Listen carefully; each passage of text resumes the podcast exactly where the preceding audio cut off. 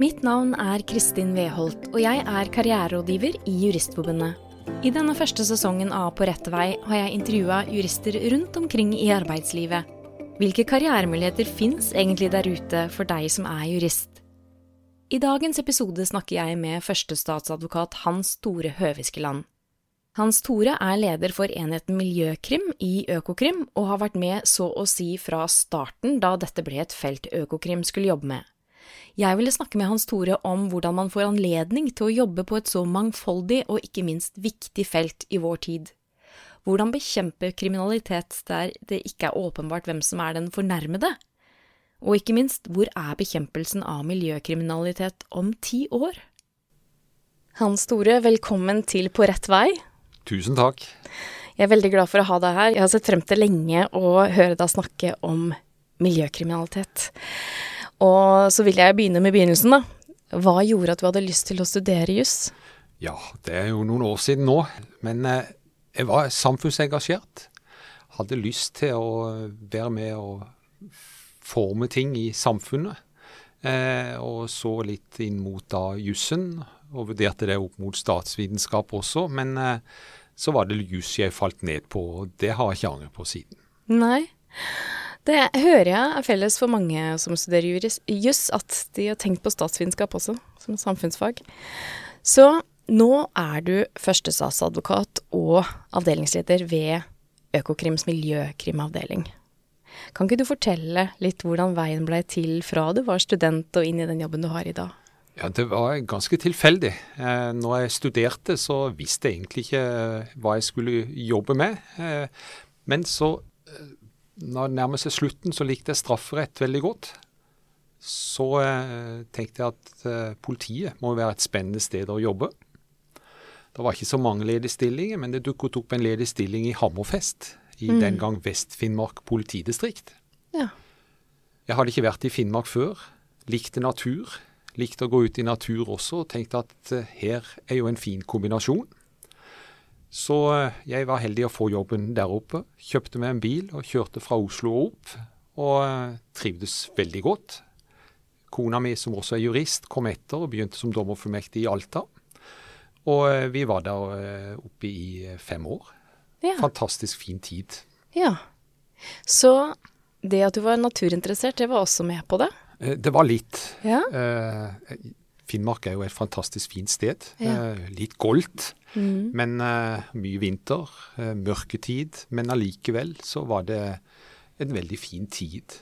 Og så var det også et veldig spennende politidistrikt å jobbe med. Ja. Den ene dagen kunne du være inne i Kautokeino og ha et reintyveri.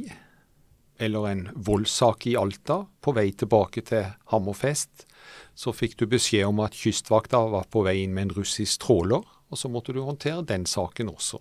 Ja. Så det var et veldig vidt spekter av saker vi hadde, og som vi måtte håndtere. og Vi ble jo nesten kasta ut i det på egen hånd også, eh, men fikk noe opplæring selvfølgelig. Da. Men eh, det var veldig spennende. Ja. Men så havna du jo til slutt i Økokrim, og hvordan, hvordan gikk det til? Ja, det var tilfeldig det òg. Ja? Vi begynte å jobbe med en sak som hadde forgreining til Russland. En økonomisk kriminalitetssak ganske stort omfang. Eh, og det var fiskerikriminalitet også i saken. Så fikk vi hjelp av Økokrim. Den gang var jo Økokrim nesten Det var jo ikke gammelt, det var vel kanskje bare et år. Eh, de kom opp, og de bisto oss. Og jeg syns det var veldig spennende å jobbe med dette feltet. Og jeg syns det var veldig spennende å jobbe tverrfaglig med både jurister og etterforskere. Mm. Så jeg tenkte at dette må jeg kanskje prøve å få jobbe mer med. Ja. Eh, men eh, Og så søkte jeg først jobb i Oslo politidistrikt, eh, og begynte der på narkotikaseksjonen. Men så tok det ikke så lang tid, så et halvt år så fikk jeg jobb i Økokrim da. Mm. Og da jobbet jeg med økonomisk kriminalitet i starten. Så i, var jeg en tur i Asker og Bærum politidistrikt, som det den gang het. Jeg var leder for påtaleenheten der. Så ble det ledig en politiadvokatstilling på Økokrims miljøteam. Og så var jeg heldig å få den, og det var i 1988. Mm. Så siden har jeg jobba med miljøkriminalitet. Ja, oi. Der har det jo skjedd veldig mye på de åra. Det har vært en rivende utvikling. Ja. Ikke minst det å ta disse sakene på alvor. Det var jo egentlig støpeskya miljøkriminalitet på sånn begynnelsen av 90-tallet, og så har det bare utvikla seg mer og mer, da. Mm, det må ha vært utrolig spennende å være med på. Ja, det har vært veldig, og det, det er veldig spennende. Men det er jo et hvitt felt. Ja. Det består jo av na- natur, fauna, forurensning, kunst og kultur. Og så har vi også hatt arbeidsmiljøkriminalitet. Ja. Og vi har hatt har akvakulturkriminalitet, altså oppdrett. Og de siste årene har også dyrevelferdskriminalitet kommet inn. Der har vi for øvrig fått en egen politiadvokat på dyrevelferdskriminalitet. Så det er jo ca. 40 lover vi skal håndtere. Oi. Ja. Så det er et stort område. Men det er jo det som gjør det så spennende. Det er alltid noe nytt. Det er nye utfordringer eh, å jobbe med. Og det gjør at eh, du på en måte alltid har noe nytt når dag, arbeidsdagen starter. Ja. Jeg hører jo at her er det en stor spennvidde, og du er jo også leder, avdelingsleder. Så hva er de viktigste oppgavene du har i jobben i dag? Det er også veldig vidt. Mm. Du er med som i påtalearbeidet i sakene. Du eh, prosederer saker i retten. Det kan være både for Høyesterett, for lagmannsrett og for tingrettene. Du eh, er med og jobber tverrfaglig sammen med Vi har biolog, vi har kjemiker, vi har revisor og personer med politibakgrunn. Så det er også veldig spennende det å jobbe tverrfaglig og lære av hverandre. Så det er jo en viktig oppgave òg, det å, på en måte få til dette samspillet og være med å løfte hverandre også. Ja. Så har jeg mye foredragsvirksomhet. Ja, det er vel litt av det vi eh, jeg har å gjøre, da. Også, Og så ja, og så en viktig del òg er bistand til politidistriktene. For i politidistriktene så skal det ved hvert politidistrikt være en miljøjurist. Ja. Så vi prøver å bistå de også, eh, eller også etterforskerne selvfølgelig, eh, med å håndtere miljøkriminalitetssaker. Så det er også viktig arbeid. Hvor mange er dere i din avdeling? Ved av enheten, som vi kaller det, Ja. eh, så er vi, eh, vi er bare åtte-ni stykker. Men samtidig så har vi hatt en omorganisering i Økokrim som nå gjør at også andre i Økokrim som jobber med økonomisk kriminalitet, f.eks. kan risikere å måtte håndtere en miljøkriminalitetssak. Ok, Så det er stor faglig bredde. Jeg har et spørsmål her. Hvilke rettsområder jobber du mest med? Nei, det er 40 Ja. forskjellige. Nei, det, det, det, det varierer. Eh, akkurat nå sist har vi jo jobba noe med skogbrukslova. Vi har laget en eh, rapport om ulovlig hogst, og det har da blitt mye interesse omkring. Og Der har vi også sett litt nærmere på skogbrukslova, om den er egnet som en miljø- og straffesetter.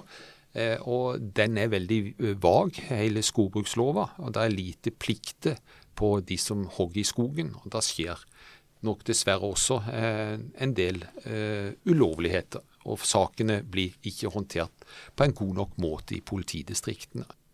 Så det er f.eks. én ting vi også jobber med. Det er å da drive med forebyggingsvirksomhet òg. For det er jo det viktigste. Det er jo ikke det viktigste det er jo ikke å straffe person eller foretak, men det er faktisk å drive forebyggingsvirksomhet også. Og gå ut og opplyse om ting, og også opplyse om at man kan risikere å bli straffet hvis man bryter lovgivningen. Ja. Mm. Så det er formidlingsarbeid, da. Ja, det er også en viktig del av det arbeidet vi har. Og så glemte jeg også å si at eh, skriving av artikler er også viktig. Vi gir ut et tidsskrift vi kaller Miljøkrim. Det kommer to ganger i året. Og Der står det veldig mye bra. Ja. Eh, og Det ligger på Økokrims hjemmeside, så det er tilgjengelig for alle å se på hvis man er interessert i miljøkriminalitet. Der er det mange gode juridiske artikler også, eh, og litt hva som, av nye saker som oppstår på dette området f.eks. Så det kan jeg anbefale å gå inn på Økokrims hjemmeside og lese miljøkrim. Ja, Så fint at du deler det. Da kan man dykke litt i det. Er det noen faglige kompetanser utenom jussen du bruker særlig mye? Hva skal jeg si? Jeg tror det er viktig det å være med og prøve å samarbeide best mulig. Løfte mm. andre også. Og kunne jobbe godt i team. Det er viktig. Så er det også en ting som er viktig, det er altså å skrive korte, gode mailer. og, og, så to the point. Ja. For det blir jo mer og mer mailskriving også, da. Ja, ikke Ja. sant. Men, men så er det også å formidle ting muntlig. Det er viktig, da. Så jeg bare lurer på, siden du jo jobber med mange jurister, hva slags bakgrunn har de andre? Det har jeg prøvd å tenke litt på, Ja. eh, og sett litt. Og, det, og da i de som har jobbet med miljøkriminalitet i Økokrim, så varierer det veldig hvor de kommer fra. Noen har kommet fra eh, Justisdepartementets lovavdeling. Noen har kommet fra- Sivilombudsmannen, Miljødirektoratet, Klima- og miljødepartementet. Og så er det flere som har kommet fra politidistriktene, sånn som jeg også har gjort. Men det er ikke noe sånn, hva skal jeg si, fasit på hvor man bør være for å kunne jobbe med miljøkriminalitet i Økokrim. Nei. Det har nok vært litt tilf tilfeldighet også, men det er viktig å vise engasjement på dette området. Vise at man har interesse for dette, men samtidig også være ydmyk. Eh, fordi at vi skal huske på at straff det er vår strengeste virkemiddel, og vi skal behandle med respekt. Så derfor så, så Det er ikke så lett å gi noe helt entydig svar på hvor skal man rette inn eh, veien for å få jobbe. Men det finnes også miljøjuriststilling i politidistriktene, som jeg var innom tidligere. Ja. Og eh, det kan jo også være en vei å gå, og vise engasjement der. Og være med å løfte og ta frem noen saker som man ser på som viktig å få frem. da. Gjennom det også så gjør man seg jo litt synlig i dette miljøet også, da. Ja, nettopp. Jeg ville tro at det er et veldig populært fag. Uh, unge mennesker i dag har ofte et stort miljøengasjement, så det er sikkert mange som vil jobbe med dette her. Hva er de viktigste personlige ferdighetene du bruker, da? Jeg tror det er viktig å spille på lag. Eh, Ja. Dette er ikke noe du kan gjøre alene. Eh, her må du være med, for få med andre. Men så eh, av og til så må du ta noe tak selv også. Og det kan være det blir noen lange dager av og til å jobbe. Eh, men eh, det er bare moro, egentlig. For det er jo så eh, umåte viktig å kunne håndtere disse sakene og få de gjennom på en god måte. Så hva tror du var avgjørende for at du fikk den jobben du har i dag? Det var vel kanskje det at jeg hadde noe erfaring fra politidistriktet. Jeg hadde jo også jobba litt med økonomisk kriminalitet, og jeg viste engasjement på miljøområdet. Eh, Det var vel noe av det som kanskje var årsaken til dette, da. Hva liker du best ved jobben din? Det er jo at det er så variert. Samtidig så har du mulighet til å være med og forme ting. Og kanskje også, er du heldig, eh, få forhindre at noen eh, begår miljøkriminalitet fordi de ser at her kan man bli straffet. Det er jo litt sånn at eh, allmennprevensjon er vel kanskje det området som på miljøområdet den virker kanskje best. For jeg tror veldig mange f.eks. ved å gjøre ulovlige tiltak i strandsonen, vil tenke som så hvor stor er oppdagelsen? Ja. Og hvis de blir oppdaget, vil det føre til noe eh, straffesak? Og eventuelt hvor streng straff vil jeg få da? Og hvis de ser da at ja, dette vil bli oppdaget, det er en sjanse for det i hvert fall, og det er en sjanse også for at jeg faktisk kan få fengselsstraff, ja da tror jeg kanskje veldig mange vil avstå fra å begå den form for miljøkriminalitet. Så hva er det viktigste i jobben din nå for at du skal trives best mulig? Det å ha eh, interessante arbeidsoppgaver, det å ha motiverte personer rundt deg, og eh, føle at du kan drive gjennom ting på en god måte. Jeg ser for meg at du, med, det, med den erfaringen du har, du har prosedert for både tingrett, lagmannsrett og høyesterett. Eh, Du har jobbet på dette feltet i lang tid. Hvilken jobberfaring har du vokst mest på? Det er vel kanskje å prosedert sak for Høyesterett, Ja. og få gjennom noen viktige avgjørelser der. Eh, Det tror jeg kanskje jeg har vokst mest på. Ja. Mm. Er det noen av sakene som stikker seg ut? Det er nok eh, Ja, det er flere saker, egentlig. Hadde en sak for ikke så lenge siden, uh, ulovlig bygging i strandsonen, hvor da tiltakshaver og byggmester fikk uh, fengselsstraff, 45 dager. En dyrevelferdssak uh, som en person som druknet en hund, fikk eh, 60 dagers var det, Eller var det 90 dagers fengsel? Jeg tror det var 90 dager, ja. Og det var en milepæl. Ja. Begge disse sakene er egentlig en milepæl på miljøområdet. Så har det også vært noen forurensningssaker eh, som har eh, vært viktige. Ikke minst også da en sak inn mot et foretak som hadde slippet ut Unnskyld, hvor en ansatt hadde slippet ut ammoniakk i Sandvikselva. Eh, og hvor det var spørsmål om også foretaket skulle straffes. Det var ikke en liten milepæl innenfor eh, bruk av foretaksstraff også, da. Mm. ja. Så her får du være med på å sette rettstilstanden, rett og slett. Man gjør det, og kan være med å forme det. Og vi jobber jo i Økokrim veldig strategisk òg nå, eh, bl.a. i form av trusselvurdering som utarbeides. Gjennom det så ser vi hvilke trusler det er på dette området. Og så ut fra det kan vi også finne frem saker og kjøre disse opp i systemet. For derigjennom å statuere eksempler. Ja, det høres veldig meningsfylt ut. Så hva ser du på som den viktigste oppgaven framover i bekjempelse av miljøkriminalitet? Det er fortsatt å håndtere disse sakene på en god måte. Eh, det er viktig å finne de rette sakene. Det er viktig å holde straffenivået oppe og jobbe videre for det. Og så er det håp om at uh, fortsatt at uh, det skal, hva skal jeg si, bevilges mer midler til å bekjempe denne form for kriminalitet. Det er klart det at kriminaliteten blir ofte satt litt sånn på side i forhold til alvorlige voldssaker, organisert kriminalitet, sedelighetssaker osv. Men, men det er veldig viktig å allikevel holde tritt med disse miljøsakene. Og jeg tror også det blir bare viktigere og viktigere.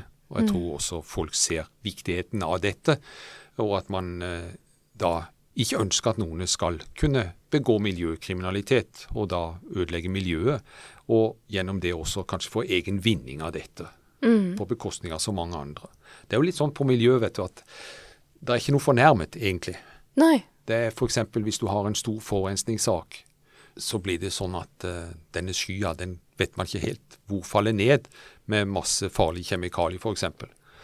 Mens er det en person som blir slått ned på gata, så er han fornærmet, og pårørende blir ofte berørt av dette også. Mens eh, med sånne diffuse utslipp f.eks., så er det ikke så mange som er fornærmet. og Da er det viktig at noen kan håndtere disse sakene og være representant og pådriver for at disse også er viktige. da. Fordi at forurensning og farlige kjemikalier, mm. med, hvis det nedfaller det, det kan jo få enorme konsekvenser. Ja, I form av i, i, form av at personer kan få kreft f.eks., og fisk, eh, dyreliv kan bli ødelagt osv. Mm. Det er et viktig perspektiv som, som, kanskje ikke er åpenbart at man tenker på at hvem er det som egentlig rammes av miljøkriminalitet. Så hvor ser du de største mulighetene for uh, nyutdanna jurister med interesse for miljøkriminalitet? Jeg tror det er viktig at de i studietiden hvis de, de vet allerede da, kanskje tar noe valgfag innenfor miljørett. Men det er ikke noe forutsetning. Eh, selv har de jo ikke det. Men eh, det kan være én måte. Og så er det etter hvert da prøve å tenke om er det noen stillinger som kan være aktuelle, som jeg kan eh, få bruk for kompetanse innenfor miljøkriminalitet. Det kan f.eks. være i politidistriktene. Men det kan også være i forvaltningen i Miljødirektoratet, hos Statsforvalteren og i kommuner også. Plan- og bygningsloven er jo en veldig viktig miljølov. Ja. Eh, og eh, der er det mange steder dårlig kompetanse i kommunene også. Eh, og det er også en eh, vei man kunne eventuelt ha gått. Men det er ikke noe fasit på dette. Det er veldig mye tilfeldigheter også, da. Men det viktigste er å ha engasjement for dette området. Da tror jeg mm. man kan komme langt og få mange muligheter med å jobbe innenfor bekjempelsen av miljøkriminalitet. Ja. Så fint at det ikke bare er én vei. Hva vet du nå som jurist, og som du skulle ønske du visste da du var student, og særlig da du skulle søke din første jobb som jurist? Jeg visste ikke hva jeg skulle gjøre når jeg studerte, egentlig. Det var først mot slutten av studiet jeg fant ut det. Ja. Men jeg skulle jo selvfølgelig ha lest mer under studiet. Eh, det sosiale eh, var jeg del med på, men det er en viktig del. Jeg var mm. bl.a. med på uh, fjellgruppa. Hadde masse fine turer sammen med hyggelige studentkollegaer.